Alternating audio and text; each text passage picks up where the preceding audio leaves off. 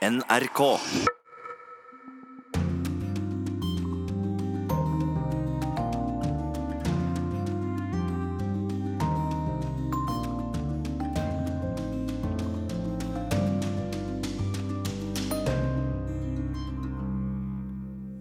Islandske politikere ber velgerne om tillit for tredje gang på fire år. Ørkenlandet Niger kan bli det nye Benghazi for politikerne i Washington. Russland må bestemme seg, inn eller ut av Europarådet, mener Norges delegasjonsleder.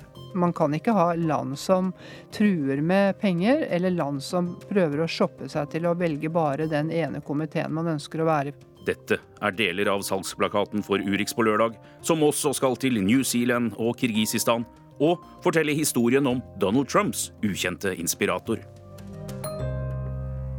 God formiddag. Jeg heter Anders Tvegård. Tillit er et slags gjennomgangstema den neste timen, også i korrespondentbrevet fra Moskva. Det er blitt slik at sannheten og tolkningen av historien er i fri flyt. Men vi reiser først til vår nabo i vest. Valglokalene på Island åpnet for en time siden. Denne gang er det flere nye partier og kandidater uten politisk erfaring som søker velgernes tillit, etter nok en runde skandaler som har hengt i lufta. Alt tyder på at det blir vanskelig å danne en levedyktig regjering. Reporter Jan Espen Kruse har fulgt innspurten på Island.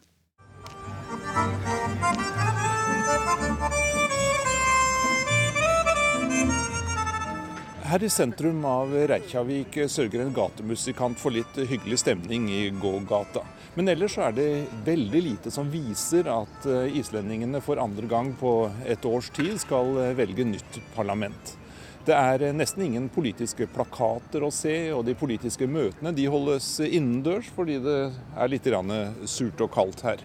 I dette landet så kommer det altså 2,5 millioner besøkende hvert år. Og det med en befolkning på bare 300 000 om lag. Derfor kan det være litt vanskelig å finne islendinger i, i hovedstaden, men vi finner da noen. Are you going to uh, vote in the elections?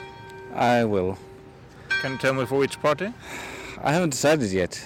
Denne mannen har ikke bestemt seg for hvilket parti han skal stemme på. Det eneste han vet, er at hans stemme går til venstresiden. Men stort sett synes han det er altfor mange negative ting som er knyttet til de politiske partiene. Kan du fortelle meg for hvilket parti? No. Is it a secret? Yeah. Okay. Denne damen vil ikke si hvilket parti hun skal stemme for. Det er hennes hemmelighet. Uh, yeah, already voted. Could I ask for which party? Uh, I voted for the Pirate Party. Denne mannen har stemt allerede, og valgte Piratpartiet fordi han ikke liker noen av de andre politiske partiene. Piratpartiet lå veldig godt an på meningsmålingene foran valget for et år siden, men fikk færre stemmer enn forventet. Nå ligger Piratene på rundt 9% Det er andre partier som spiller hovedrollen denne gang. Det er hægt að i í miklu harðar aðgjörn og skattrannsókn. Vi með skattaundanskot. Et femtitalls mennesker har kommet for å høre på lederen for Det grønne venstrepartiet, Katrin Jacobsdottir. Hun er en politisk stjerne nå. Partiet har hatt kraftig framgang på meningsmålingene det siste året, og er nå nummer to etter det borgerlige uavhengighetspartiet, som tradisjonelt har vært størst. Jacobsdottir mener at partiets budskap om sosial rettferdighet blir godt mottatt, pluss at folk har tillit til Det grønne venstrepartiet.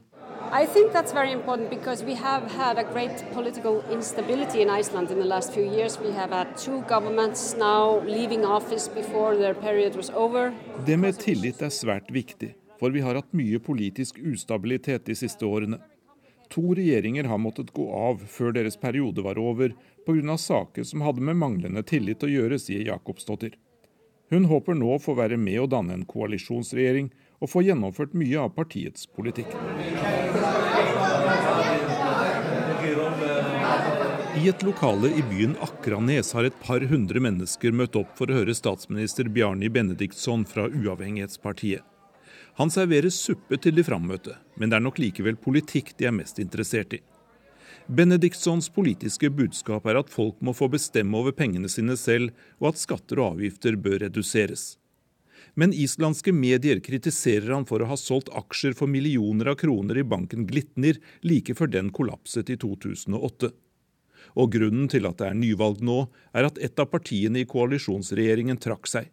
Bakgrunnen var at Uavhengighetspartiet skal ha forsøkt å hemmeligholde et brev der statsministerens far ber om at en pedofilidømt mann skulle bli renvasket. Til NRK sier Benediktsson at han er usikker på om han vil kunne fortsette som statsminister. Well, I think mostly what people are talking about are the years when I was active in the business circles, but that was before 2009. So to me, mostly of that is uh, old news. And... Det det snakkes om er gamle nyheter, sier statsministeren. Han understreker at partiet har gjort det godt på meningsmålingene, og at det nå er opp til velgerne å si sin mening på valgdagen. Men islandske kommentatorer mener at det vil bli svært vanskelig å danne en ny regjering. I think it might be very hard because, uh, according to the polls, we would need at least three and even four parties to form a government. Det kan bli veldig vanskelig, sier politisk redaktør Heidar Ørn Sigurfinsson i den statlige kringkastingen RUV. Han tror at tre eller fire partier må delta i en ny koalisjonsregjering, og at det må svelges svært mange politiske kameler før det kan bli enighet om noe slikt. Svaret kommer nok i løpet av helga. Valglokalene stenger om drøye sju timer. En rekke tall nå. Frankrike har en president som eh, er 39 år gammel. Østerrike får en statsminister som er bare 31. Og denne uka har også New Zealand, landet i Ringenes herre, fått en ung og karismatisk leder som regjeringssjef. Med sine 37 år ble Jacinta Arden det tolvte medlemmet i klubben av statsledere under 40. Ikke bare det, hun ble også tatt i ed som den yngste i stillehavsnasjonen i moderne tid. I, Jacinda Kate Laurel Arjun, solemnly, sincerely and truly declare and affirm New Zealand er riktignok et lite land i verden, men ikke så veldig mye mindre enn Norge. Verken når det gjelder folketall eller areal. Vi har begge fjord og fjell. Vi har hatt to kvinnelige statsministre. Nå har de fått sin tredje. Thank you for the faith you have placed in us. Mange vil nok mene at Jacinda Ardern har gjort kometkarriere i politikken. Det er faktisk bare tre måneder siden hun ble leder i New Zealands Arbeiderparti. Hun rykket opp fra nestlederposisjonen på én times varsel, da den daværende lederen innså at han ikke var den rette til å sikre partiet en valgseier. Men Ardern har vært politisk engasjert siden hun var tenåring, har jobbet for Labour-partiets forrige statsminister Helen Clark, har vært rådgiver for Storbritannias Tony Blair og ble første gang valgt inn i parlamentet i Wellington i 2008. Hun steg fort i gradene etter det. A lot of women in New Zealand feel like they have to make a choice between having babies yep. and having a career or continuing their career at a certain point. På dag én som Arbeiderpartileder fikk 37-åringen babyspørsmålet som ingen mannlige politikere får. Svaret hun slo tilbake med, utløst en begeistringsbølge som fikk navnet Jacinda Mania. You don't find this but, an inappropriate question? For me, no, because I opened myself up to it. But you, for other women, it is totally unacceptable in 2017 to say that women should have to answer that question in the workplace. But this is my that point. unacceptable. No, Sju uker senere var det valg i New Zealand. Verken Labour eller det regjerende konservative partiet fikk rent flertall. Men etter en måned med koalisjonsforhandlinger dannet sosialdemokratene en mindretallsregjering sammen med det innvandringskritiske nasjonalistpartiet New Zealand Først, og med støtte fra De grønne. I want to start by saying it is an enormous privilege Statsminister Jacinda Ardern lover store endringer etter ni år med konservativt styre. 100 millioner trær skal plantes hvert år, og hele landet skal drives på strøm fra fornybare kilder innen 2035. Målet er null utslipp av klimagasser innen 2050. For å få ned boligprisene blir det forbudt for utlendinger å kjøpe hus og leiligheter. Innvandringen skal kuttes med inntil 30 000 mennesker per år, men New Zealand skal ta imot flere flyktninger, sier hun.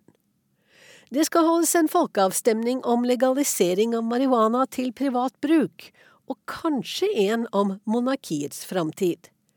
For dronning Elisabeth er nemlig landets statsoverhode, men statsminister Arden er, som 60% av sine landsmenn, republikaner. So, without further ado, let's go and do this.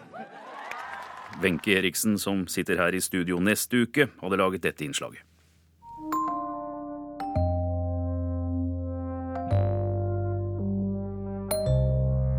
Мы всегда рассматривали Совет Европы и продолжаем рассматривать I'm here to, dis many, to discuss many issues. механизмов, обеспечивают Moskva forrige uke, og på hver sin side av bordet Russlands utenriksminister Sergej Lavrov og Europarådets generalsekretær Torbjørn Jagland diskuterer om landet vil inn i varmen igjen. Russland nekter å betale medlemskontingenten i Europarådet. Et svar på at de ble fratatt stemmeretten etter invasjonen i Ukraina og Krim. For um, Europarådet venter innsparinger og mindre aktivitet når 10% av inntektene forsvinner på ett år. For Russland et valg om de vil være på den internasjonale møteplassen for demokrati og menneskerettigheter. Jaglands kontor omtaler møtet som konstruktivt, men uh, en avklaring er ikke synlig, heller ikke for parlamentarikerne. For Europarådet så tenker nok jeg etter hvert at Russland, det er ikke vi, men det er Russland selv som må velge hvorvidt de ønsker å beholde denne plattformen også for internasjonalt samarbeid, og ikke true med, med pengene, for å si det veldig enkelt. Det sier Ingjerd Skau. Hun er visepresident i Europarådets parlamentarikerforsamling og leder for de norske politikerne som flyr til Strasbourg og møter kolleger fra 46 andre land fire ganger i året. Parlamentarikerforsamlingen sender valgobservatører, arbeider for å styrke menneskerettighetene og rettsstaten, hjelper nye demokratier, som Ukraina, med å få ned korrupsjon, f.eks. Og PASE, som forsamlingen kalles, velger dommere til Menneskerettighetsdomstolen. Russland sendes på gangen når avgjørelser skal tas. Russland er fortsatt medlem. De er til stede i plenumsforsamlingen, de er til stede i komiteer. De har selvfølgelig uttalerett og meningsrett og alt det der, men de får ikke lov til å stemme. Det falt russerne tungt for brystet, og har jo siden det i liten grad vært til stede. Russerne møter stort sett bare i ett forum, ministerkomiteen, der ambassadørene sitter på vegne av regjeringene. De har selv valgt å boikotte de andre komiteene, og siden mai har Moskva holdt tilbake penger til organisasjonen. Bare 10 millioner euro av drøyt 30 millioner er overført Strasbourg i år, ifølge generalsekretærens kontor. Konsekvensen er jo at det må slankes. NRK har eh, ikke fått svar denne uka fra den russiske ambassaden her i Oslo på spørsmål om landet vil trekke seg helt ut av Europarådet og dermed ignorere helt Menneskerettighetsdomstolens beslutninger. I en pressemelding fra Moskva i sommer krever Russland å få tilbake fulle rettigheter. Beslutningen om å stanse betalingen skyldes vår dype bekymring over en mulig økende krise i rådet, pga. konfrontasjonslinjen til enkelte medlemsland, skriver Utenriksdepartementet, uten å peke på hvilke. Man kan ikke ha land som truer med penger, eller land som prøver å shoppe seg til å velge bare den ene komiteen man ønsker å være i, f.eks. ministerkomiteen, mens lar alt annet være. Det er også en uholdbar situasjon. Et eh, vindu lukkes om få uker. Hvis ikke Russland melder inn nye parlamentarikere innen nyttår, blir landet i realiteten utestengt fra sesjonen neste år. Kilder NRK har vært i kontakt med sier at det kan gå begge veier. Enkelte mener Russlands største irritasjon er den europeiske menneskerettighetsdomstolen, som er under Europarådets paraply. Senest i høst kom domstolen med en uttalelse til fordel for en opposisjonskandidat, noe som kan være dårlig PR for president Putin før valget. Også i Dumaen er det stemmer som mener Russland er mer tjent med å stå utenfor. Norge vil gjerne ha Russland tilbake i Europarådet, sier Ingjerd Schou, men Jeg ser jo at eh, i eh, Europarådet så er det veldig store forskjeller på hvordan man oppfatter det eh, om, om, Russland skal på en måte fortsette å være en del av Europarådet, eller om de skal bare komme tilbake og få tilbake stemmeretten sin. Det er litt, tror jeg, avhengig av hvor hvor mye nabo man er, og hvilken historie man har. Men faktum er at Russland er medlem av Europarådet. Og det er opp til Russland å sørge for at de forholder seg til de konvensjonene om selvstendige stater og ikke invadere slik de gjorde, sånn at ballen ligger vel så mye hos Russland som hos noen andre. Ukraina er blant landene som vil sette hardt mot hardt. Hvis Russland blir tatt inn i varmen igjen uten at forholdene på bakken har endret seg, har ikke straffetiltakene etter invasjonen ført til noe som helst, er budskapet. Spørsmålet er om et flertall i den europeiske familien fortsatt deler Ukrainas syn når parlamentarikerne møtes igjen i januar.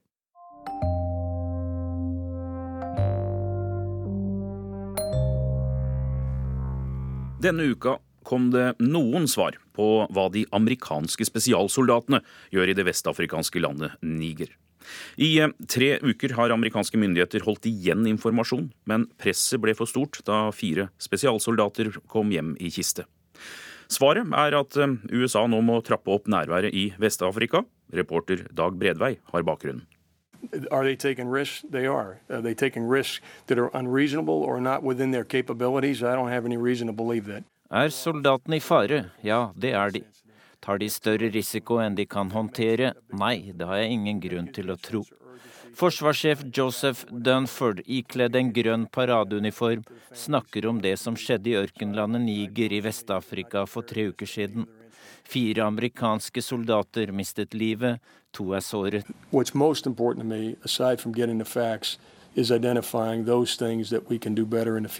Det viktigste for meg er å få alle fakta på bordet og se hva vi kan gjøre bedre, sier generalen. But if you look at the numbers, we have 800 Americans, we have 4,000 French. USA har 800 soldater i Niger, Frankrike har 4000. Vi trener lokale styrker slik at de kan slå ned på det som kan bli en trussel mot det amerikanske folket, sier han. What the American people need to know is, with a relatively small footprint, we are enabling local forces to deal with these challenges before they become a threat to the American people. Terrorgruppa IS er på vikende front i Syria og Irak og ser seg om etter nye områder. Da er Sahel-beltet et interessant område. IS skal ha infiltrert gullgruvene i Niger for å finansiere terrorvirksomheten sin, ifølge CNN. I tillegg ønsker de kontroll over immigrasjonsrutene i området. Menneskesmuglere og flyktninger blir presset for penger. Det tok tolv dager før president Trump snakket om de falne i Niger. Kritikken har haglet. En av kritikerne er senator John McCain, som i tillegg til å være en mentor på utenriksfeltet, var krigsfange i Vietnam i sin tid. Americans should know what's going on in Nigeria. Yeah, yeah. Should know what caused the deaths of four brave young Americans. Should know what kind of operations we're engaged in. Amerikaneren fortjener å vite hva soldatene gjorde i Niger. Vi må vite hvorfor disse tapre soldatene ble drept, sa den tidligere presidentkandidaten til ABC. Det som synes å være klart, er at tolv amerikanske soldater var på oppdrag i grenseområdet mellom Niger og Mali.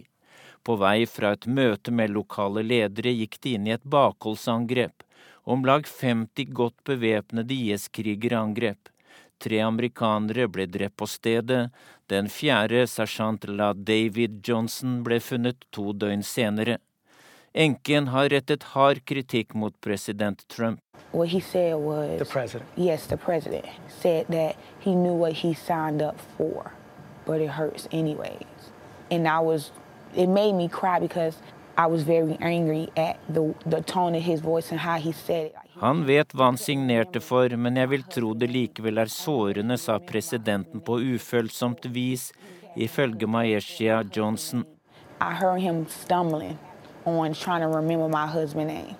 And that what hurt me the most because if my husband is out here fighting for our country and he risks his life for our country, why can't you remember his name? Og han stotret fram navnet han leste fra et dokument. Hvis mannen min døde for landet, hvorfor kunne ikke presidenten engang navnet hans, spør enken. USA har 6000 soldater stasjonert i 53 land i Afrika. Blant disse er det 1300 spesialsoldater. Offisielt er det kun én amerikansk militærbase i Afrika. Den ligger i Djibouti, mellom Etiopia og Somalia i Øst-Afrika. Dag Bredvei. I det sentralasiatiske landet Kirgisistan slår det yngste medlemmet av nasjonalforsamlingen et slag for likestilling. Hun mener politikerne ikke har gjort nok for å bekjempe vold i hjemmet og bortføring av bruder. Ja, du hørte riktig. Brudebortføringer eller kidnappinger er utbredt. Av og til kan det være vanskelig å skille de frivillige fra ufrivillige bortføringer. Kollega Roger Severin Bruland har tatt et dykk ned i kirgisisk bryllupskultur.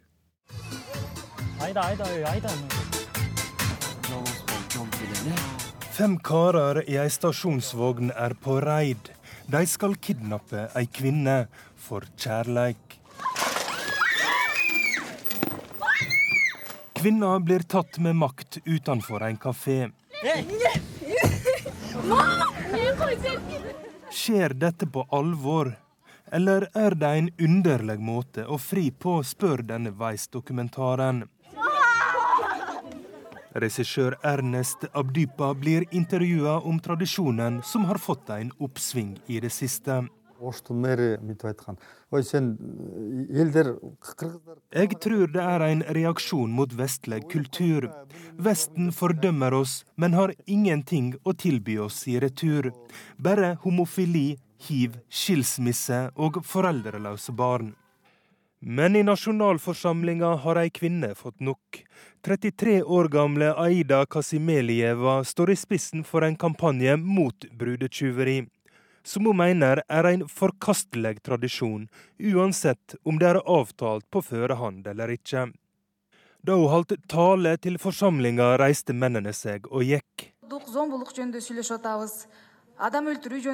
Mannfolka lobbyerer for flerkoneri. De er på en helt annen planet enn oss, forteller hun til Reuters. Brudebortføring har vært ulovlig i Kirgisistan siden 2013, men blir likevel praktisert over hele landet. Og statistikken viser at det er flere selvmord blant kvinner som blir bortført. Abdushova Synagul er mor til ei kvinne som ble bortført mot sin vilje. Hun viser fram et fotografi av dattera til Vice News. Dette var babyen min. Hun hadde så mange planer for framtida. De tok henne midt på natta når vi ikke var hjemme. Dagen etter henta vi henne hjem igjen. Men slektningene våre pressa oss til å godta giftermålet. De sa dette er vår kultur, vi må bare godta det. 9. mars 2012 hengde hun seg, forteller mor. Шекзасын ачыдаган жок элдин көбүнчө басынтып койду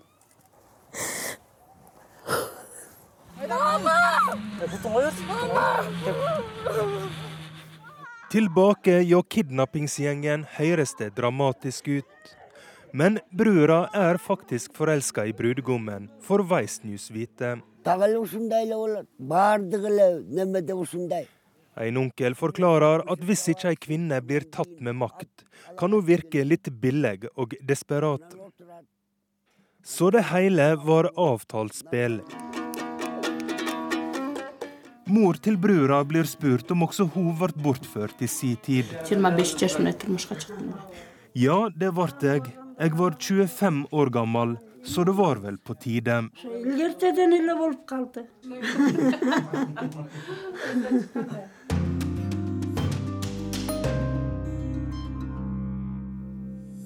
Dette er Urix på lørdag. I nyhetene i dag Katalanerne har våknet opp til direkte kontroll fra Madrid. En dramatisk utvikling etter erklæringen om uavhengighet i går. Og nå er spørsmålet om lederskapet gir seg frivillig, og om tilhengerne for løsrivelse holder løftene om fredelig motstand. Man frykter at det kan komme til eh, sammenstøt. Det er jo en eh, splittet befolkning eh, både her i Catalonia og i Spania for øvrig. Spesialetterforsker Bob Muellers team, som gransker russisk innblanding i det amerikanske valget, har levert inn de første siktelsene til storjuryen, melder CNN. Allerede mandag kan de første siktelsene og eventuelle pågripelser skje, men kanalen kan ikke si noe om hvem eller hva det betyr. Og i Kenya går det mot rekordlavt oppmøte i presidentvalget. Enkelte steder er valget utsatt igjen pga. vold, bl.a. i landets tredje største by, Kusumu, der opprørsungdom har opprettet veisperringer og bestemmer hvem som får kjøre inn og ut. Men nå er det krig og fred. Urix ukentlige podkast. Han sier ting som alle veit ikke er sant. Han er hensynsløs, krenkende og uverdig. Reckless, outrageous and undignified behavior. Det er bare to ferske karakteristikker av USAs president fra to senatorer i hans eget parti.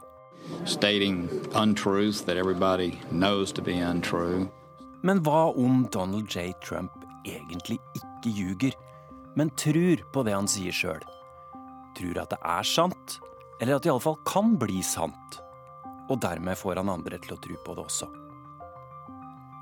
Jeg ble skikkelig nysgjerrig da jeg fant ut at Trump har vokst opp med en sjølhjelpspredikant som sin lokale pastor og familiens prest. En mann som tror på at du kan forme verden med den positive tankens kraft. Hva om presidenten i USA bare er innmari flink til å tenke positivt? Krig og fred. En podkast fra NRK Urix. Have you ever asked God for forgiveness? That's a tough question. Det her er sommeren 2015, og Donald Trump blir spurt om han noen gang har bedt Gud om tilgivelse. En forsamling kristenkonservative ler litt ved tanken. Presidentkandidat Trump vrir seg unna spørsmålet ved å fortelle om en av sine helter i oppveksten. Norman Vincent Peale, the great Norman Vincent Peale was my pastor. The power of positive thinking. Everybody's heard of Norman Vincent Peale. He was so great. He would give a sermon you never wanted to leave. He was the greatest guy. And then, you know, he passed away, but he was a great. The, the, he wrote The Power of Positive Thinking, which is a great book. Jeg heter Henrik Syse, jeg er forsker ved Institutt for fredsforskning og har en professor II-stilling på Bjørknes høgskole. Eh, og så har jeg arbeidet mye med møtet mellom religion og politikk, og det vi bredt kan kalle politisk filosofi, politisk tenkning. Henrik Syse, hvem var egentlig Norman Vincent Peel? Han var en eh, evangelist, en prest, som ble særlig kjent for sitt store selvhjelpsbudskap.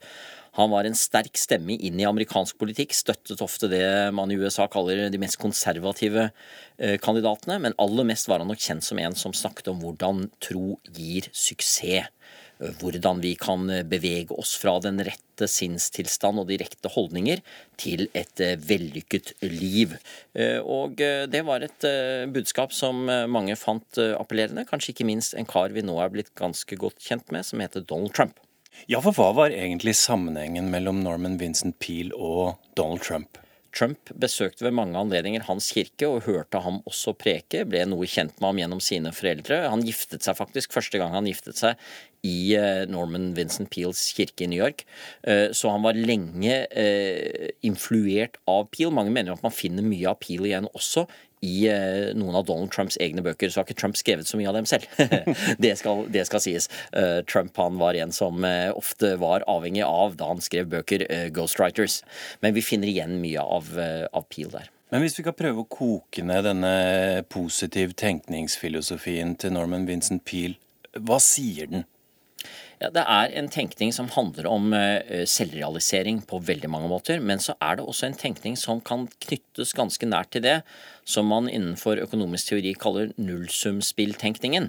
Jeg vinner, og du taper. Altså hvis jeg klarer å få til ting og erobre, hvis jeg klarer å få til uh, store seire, så er det fordi noen andre taper på bekostning av andre. Og Det er jo i hvert fall ofte anklagen mot den type tenkning som Peel sto for, er at det blir en bejubling av de vellykkede.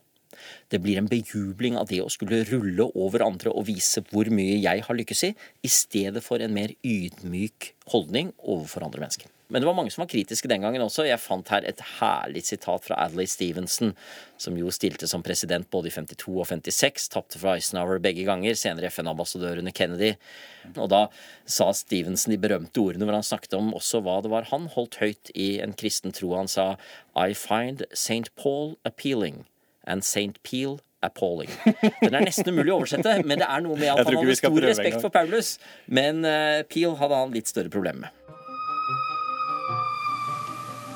Now, what I want to talk to you about tonight is why positive thinkers get positive results.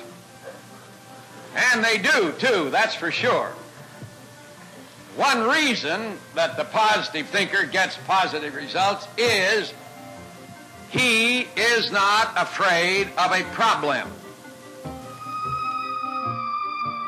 Sånn hørtes Norman Vincent Peel ut da han holdt radioforedrag om The Powers of Positive Thinking.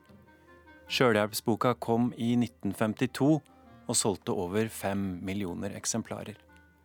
I know that when I was a kid, my mother literally used to tell me, uh, "You can do anything if you set your mind to it and you know work hard." And when I was six years old, I said, well, okay, if that's true, and this is literally true, by the way, at about age six, I said, All right, I'd like to be one of the most famous cartoonists in the world. um, and that's actually what happened. Carol, I'd like to talk to you about your career goals. My career goal is to take over the department by tricking you into a fatal accident, then telling everyone you're just working from home. That's not right. I'm Scott Adams, the creator of the Dilbert comic strip that runs in 2,000 newspapers around the world. I've written a number of books, including uh, Win Bigly, which is about persuasion and about uh, the election in the United States, and that's out soon. I saw that uh, uh candidate Trump had a full set of persuasion tools, the likes of which I had never seen before. It was it was the most powerful set of tools when you combined it with his personality and reputation and, and risk taking uh, to create what I call a, a powerful uh, talent stack. And you'd find that he has uh, a really complete set of skills, which seem to me ideally suited to uh, influencing enough people to win the election. And that's what happened. And as for Trump, there is one thing I don't quite understand because uh, if he is um, into the powers of positive thinking, um, some of the stuff he says seems very negative. How does this correlate? So, one of the tricks of persuasion is, and, and it's probably one of the most important ones, is contrast. So, you want to set the biggest contrast between uh, what you're promoting and what the alternatives are. So, it's not good enough to say, I have a good idea. That's only half the job. You want to say, I have a great idea, an amazing idea, the best idea anybody ever had. And by the way, the other idea is the worst idea in the history of the universe. It's, there's never been a worse idea than this. Things are so bad under the, that other plan and under that other that other politician that you you know almost anything would be better. But what I've got is the best of the best. It's so good you can't even believe it. Now, obviously, there's some hyperbole in that approach, but that also gives, uh, in this case, President Trump, room to maneuver. So he takes extreme first positions that give him lots and lots of room to work toward the middle and still come out ahead. And he needs to create that level of noise in, and conflict in order to do it. Is that what you're saying? Well, he creates um, opportunities to absorb all of the attention. So the things he does, uh, and one of the techniques he uses is what I call a little bit of wrongness. So he's the the things he did he does are often slightly inappropriate. They seem out of place for uh, the office of the president, or before that, the candidate for president. They seem a little too um, over the top, a little too provocative. So that little bit of wrong is what draws you to it. What about reality then? What about facts? Well, I've said that facts don't matter to decisions. But uh, obviously, facts matter if you walk in front of a truck and the truck hits you, that's a fact and you're dead. So, in terms of outcomes, facts matter a lot. In terms of how we make decisions, there's lots of science that shows that people really don't change their minds when the data changes. You can show them new arguments, uh, better thinking. You can show them the, the flaws in their arguments and the average person, uh, most of the time, and I say most of the time, as in more than 95% of the time, will simply uh, re rationalize to make your new data not important and give them some kind of a weird excuse to keep the position they had, even when the facts are all against it. So, the, the normal situation with humans is we don't change our mind even when the facts tell us we should.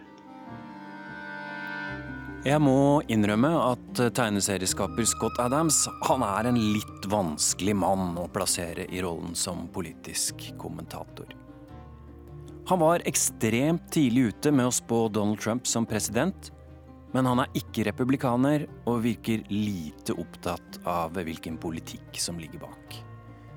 I det amerikanske tidsskriftet The Atlantic ble han beskrevet som en nærmest nihilistisk forsvarer av Trump. Altså en som ikke har noen tro på noen felles moral eller etikk. Men det Dilbert-skaperen derimot er glødende opptatt av, det er teknikkene Donald Trump bruker, og hvordan han klarer å overtale oss. Uh, I try to separate the tools from the intention. The tools of persuasion can um, cause you to be a, a con man who just uh, who swindles people out of their money, or it could cause you to be a great leader who motivates people to their better selves. You know, you could be Jesus or or you could be a criminal, but it, it could be similar sets of tools that both use. So you are impressed by uh, President Trump's tools. Are you as impressed by his intentions? Um, well, I always caution people that it's a mistake to assume that they know people's intentions. That's that's risky business. We tend to be terrible at seeing people's inner thoughts. My belief is that by the time you become president and you're in the president's office, that no matter what your original intent was, the office of the presidency is just so overwhelmingly big that it changes you.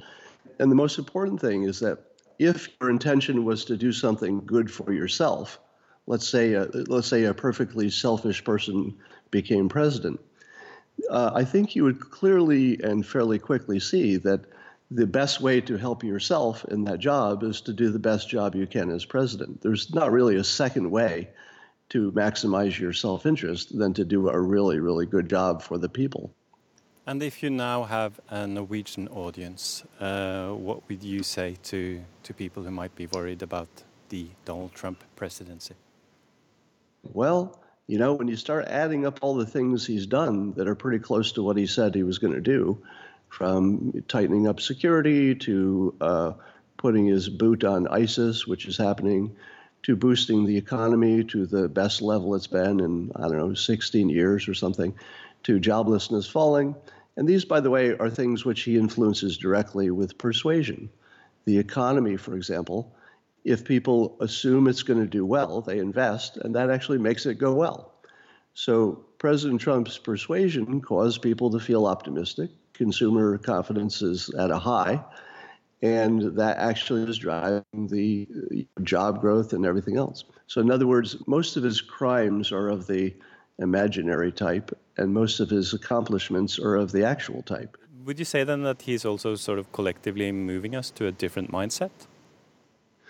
Yeah, I actually predicted early on in the beginning of the campaign that he would change more than uh, politics. I said he would change how we viewed reality itself.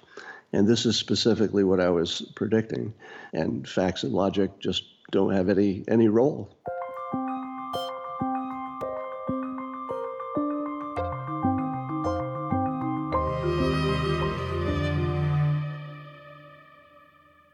Henrik Syse, vår moralfilosof.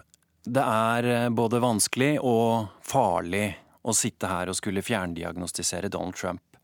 Og du har sjøl kalt ham en notorisk bløffmaker. Men kan det tenkes at han tror på det han sier sjøl? Mm. Det er et veldig godt spørsmål. Jeg tror nok at øh, han selv i hvert fall lever etter en filosofi, om vi skal kalle det det, som i mangt hører sammen med Peels tenkning om at det som virker, er sant. Ja. Så han tenker nok slik at ja, men hvis dette argumentet gjorde at jeg vant valget, eller vant en debatt, eller fikk mange mennesker til å klappe, eller i hans fortid som businessmann fikk han til å tjene mye penger, så er det sant. Det er et slags effektivitetskriterium for sannhet. Og det er eh, nok noe som gjør at han tror på det han sier selv. Så kan vi selvsagt stille spørsmål ved en del Det viktigste er, er ikke om det er sant, men om det funker, på Ja, en måte. ja, rett og slett.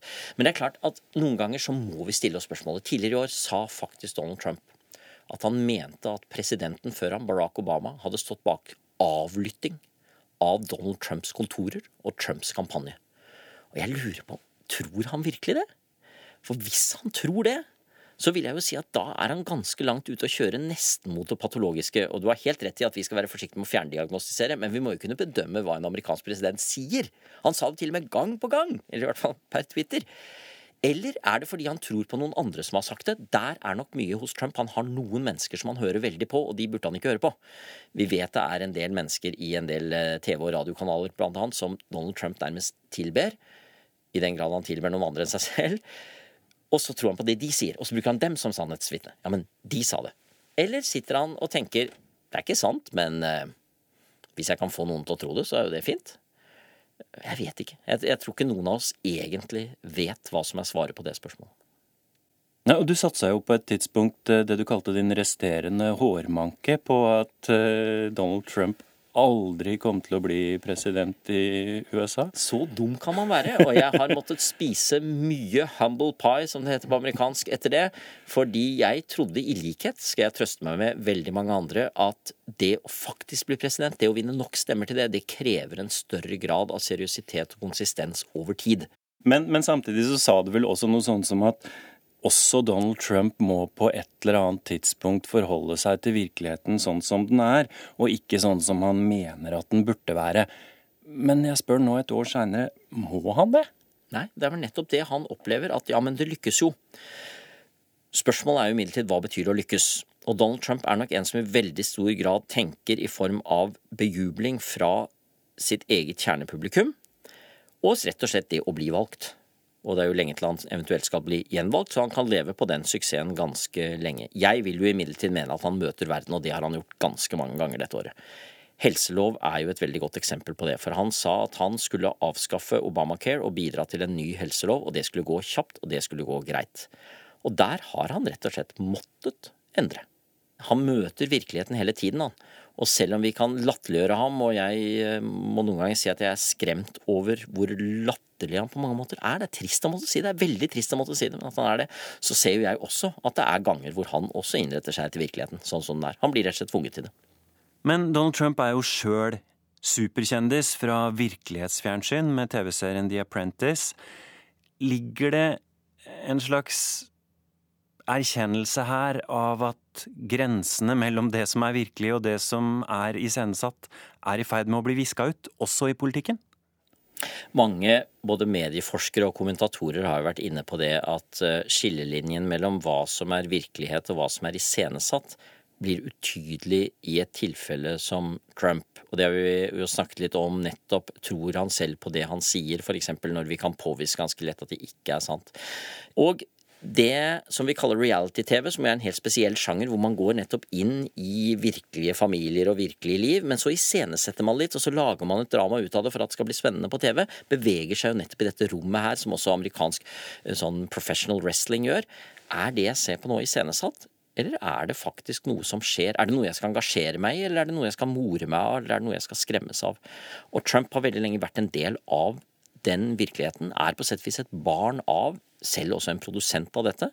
Og nå befinner han seg i Det hvite huset. Jeg sier ikke dette for å høres nedlatende ut, noen som sier at vi snakker nedlatende om ham. Jeg sier det fordi jeg forsøker å ta ham på alvor. Det er den han er. Og jeg er vel ikke veldig glad for at det er den type virkelighetsoppfatning som eh, nå finnes i Det hvite hus, hvor mye kan tyde på at det er ennå den referanserammen han beveger seg innenfor. Heldigvis har han jo en del voksne, skikkelige mennesker rundt seg som ikke tenker sånn. Ja, Hvordan tror vi det står til inne i det huset der, da? Det er noe av det jeg lurer mest på.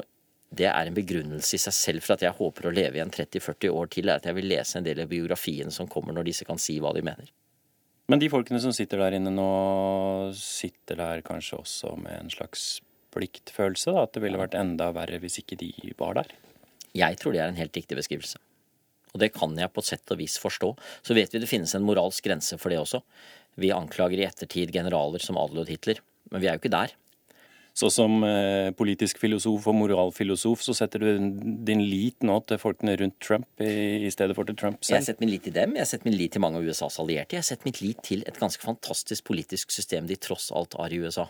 Som er ganske slitesterkt. Så jeg velger i hovedsak å være optimist. Jeg er glad det er bare fireårsperioder. Og kanskje til og med han må gå før det. Ja, hvor lenge kommer president Trump til å vare, og hvem skal Henrik Syse sette sin lit til på innsida i Det hvite hus i tida som kommer? Jeg heter Tore Moland, og jeg bruker den positive tankens kraft til å forestille meg at i Krig og fred neste uke skal vi ta en titt inn i Det hvite hus, finne ut hvem som er hvem, og hvem som gjør hva der inne. Og om jeg holder fast på det bildet, så kan det jo hende at det blir sant. Bud, have you ever asked God for forgiveness? I'm not sure I have. I just go and try and do a better job from there. I don't think so. I think I, if I if I do something wrong, I think I just try and make it right. Du har hørt podkasten Krig og fred med Tore Moland.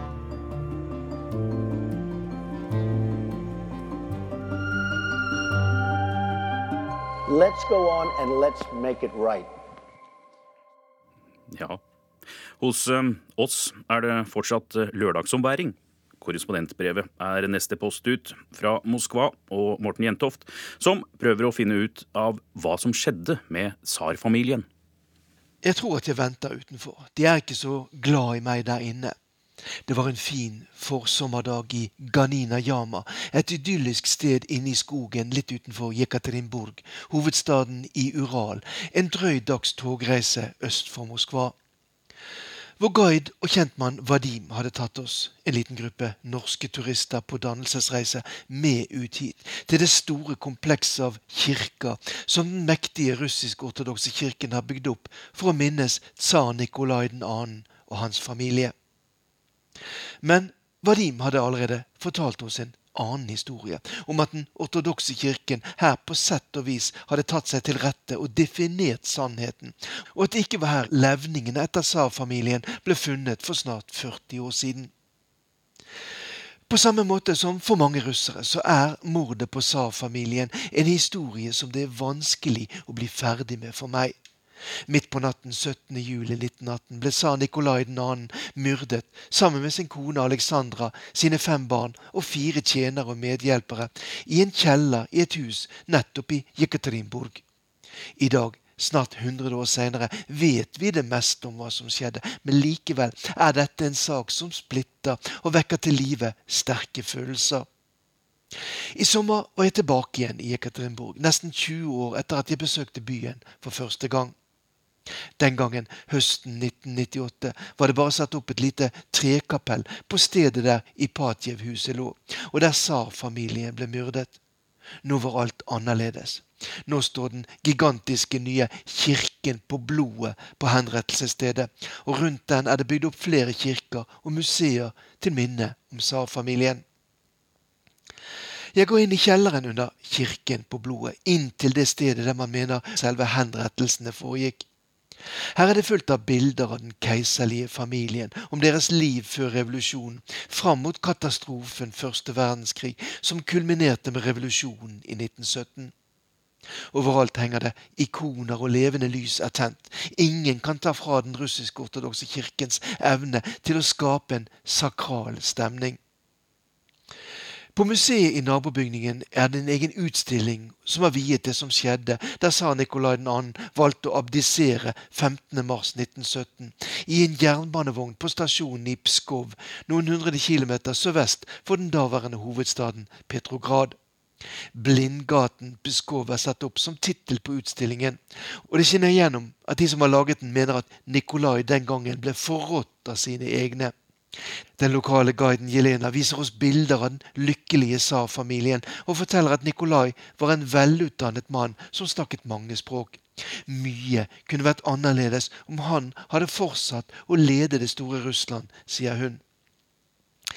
Slik skulle det altså ikke gå, og i august 1917 ble hele tsar-familien flyttet fra sitt palass i Tsarskoje Selo til byen Tobolsk bak Uralfjellet. Så kom revolusjonen og bolsjevikene, og de flyttet i april 1918 familien til Jekaterinburg og Ipatjev-huset. Under trussel fra framrykkende fiender av bolsjevikene valgte så den lokale kommandanten Jakov Jurovskij å henrette tsarfamilien.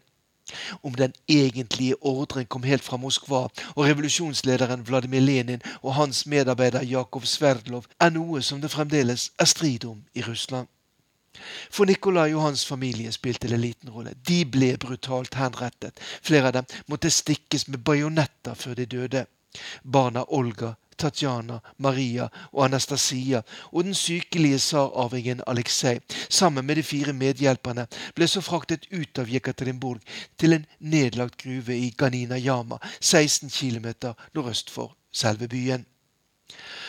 Og det er nå kampen om historien og striden som aldri ser ut til å ta en ende, egentlig begynner. I 1998 hadde jeg avtalt møte med lokalhistoriker Alexander Avdonin.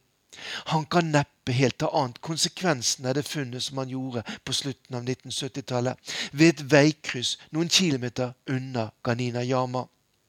Under noen råtne tresviller fant han restene av levningene av flere mennesker, som han ut fra andre opplysninger forsto var den henrettede tsarfamilien. Avdonin og journalisten og regissøren Geli Ryabov hadde da snakket med en av etterkommerne etter de som hadde vært med på selve henrettelsen av tsarfamilien. Og dette hadde ledet dem til stedet hvor de var begravet, og som Avdonin viste meg en kald oktoberdag for 19 år siden. For det var altså ikke i Ganina Yama tsar-familien ble gravlagt etter henrettelsene inne i Jekaterinburg. Etter at de ble skutt, ble de riktignok først fraktet dit, og slik planen var, hevet ned i det som hadde vært noen gruvesjakter, eller mer korrekt, noen hull i bakken. Rapporten om hvordan fulle revolusjonssoldater kledde av likene på jakt etter diamanter og edelsteiner, er på en måte grotesk, samtidig et eksempel på hvordan det gamle, korrupte tsarregimet inntil det siste trodde de skulle klare å kjøpe seg ut av den situasjonen de var havnet i. Men allerede samme dag, altså 17. juli 1918, begynte ryktene å gå om hva som hadde skjedd med tsarfamilien, og Jakov Jurovskij og hans overordnede i det hemmelige politiet Tsjekan fikk kalde føtter. Likene måtte flyttes til et bedre sted. En Fiat lastebil ble rekvirert, likene gravd opp igjen, og kursen satt for det nye stedet. Men etter noen kilometer brøt bilen sammen, og nå begynte panikken å melde seg blant Jurovskij og hans menn. I full fart ble det laget et hull i bakken, en og en halv ganger to og en halv meter, og så ble ni av likene lagt nedi. Jord ble skuffet over, og så ble det lagt noen jernbanesviller på toppen. Noen titalls meter unna ble så de to gjenværende likene av tsararvingen Aleksej og hans søster Maria gravd ned, for å forsøke å forvirre de som eventuelt en gang skulle finne på å lete etter de drepte, på stedet som på folkemunne kalles Porosjenkov-log, Griseungekløften, like ved Kobjakovskaja-veien. Selv trodde Jurovskij at det var tjenestejenten Anna Davidova han gravla, men likene var så mishandlet og ødelagt at han tok feil, og altså gravla Maria sammen med sin bror. Disse to likene ble både brent og hakket opp, noe som gjorde at de først ble funnet i 2007. Historien er grotesk, men den var ikke slutt med at Aleksandr Avdovin oppdaget likene i 1979. For bare en uke etter at tsarfamilien var skutt og begravet, så tok de hvite styrkene, som slåss mot bolsjevikene og makten i Russland i 1918, kontroll over Jekaterinburg. Og naturlig nok prøvde de å finne ut hva som hadde skjedd med tsarfamilien. En egen kommisjon ble satt ned, og lederen for den, Nikolai Sakalov, konkluderte med at tsarfamilien var gravlagt i gruvene Ganina Yama, selv om han ikke fant noen lik der, bare en del eiendeler og klær etter de drepte. Under sovjetstyret var den ortodokse kirken redusert til en seremonimester uten politisk makt. Men etter at regimet falt sammen rundt 1990, ble alt annerledes. Og den russisk-ortodokse kirken holdt fast ved konklusjonen til Sokolov, at det var i Ganina Jana tsarfamilien ble begravet. I 2000 ble Nikolai 2. og hans familie erklært for helgener, og nå satte kultdyrkingen av den siste russiske tsar i gang for alvor. Men samtidig hadde den ortodokse kirken bygd opp så mange myter om det som skjedde, at det var vanskelig for dem å akseptere at det virkelig var levningene av tsarfamilien som var funnet i Griseungekløften. Den ortodokse kirken var skeptisk til at Nikolai 2. i 1998 sammen med størsteparten av familien ble gravlagt i St. Paul-festningen i St. Petersburg, og nekter fortsatt å gravlegge levningene av Aleksej og Maria, som i snart ti år har ligget på et kjølerom i Moskva. Det er egentlig helt vanvittig, sier Vadim, som tar oss med ut i skogen ved Grisungekløften.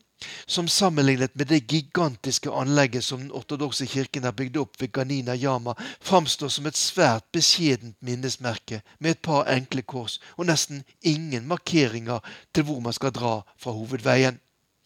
Jeg tror at den ortodokse kirken rett og slett har investert så mye penger og prestisje i sin tolkning av denne historien at de rett og slett ikke kan gå tilbake og si at vi har tatt feil, og at det virkelig var levningene av Saar-familien som er funnet nettopp her langs denne veien i skogen, sier Vadim. Han forteller at han har kontakt med Alexander Avdovin, som nå er blitt en gammel og bitter mann på 85, som føler at han aldri fikk skikkelig anerkjennelse for at det var han som avslørte den endelige sannhet rundt drapene på tsarfamilien i 1918. Og nå må han altså se at mens han i mange tiår med sovjetstyret ikke kunne snakke høyt om dette traumaet i russisk historie, igjen opplever at det er blitt slik at sannheten og tolkningen av historien er i fri flyt. Og mens selve byen Jekaterinburg i 1990 fikk tilbake sitt gamle navn, så heter fylket, eller oblasten den ligger i, fremdeles Sverdlov-fylket, oppkalt etter en av dem som sørget for å myrde Russlands siste tsar. Morten Jentoft, Moskva. Og det var eh, radiodropsene fra utenriksredaksjonen denne lørdagen. Teamet bak Urix på lørdag, Hans Christian Eide, Mari Janne Myrhol som dro i spakene, og jeg, Anders Tvegård, ønsker god helg.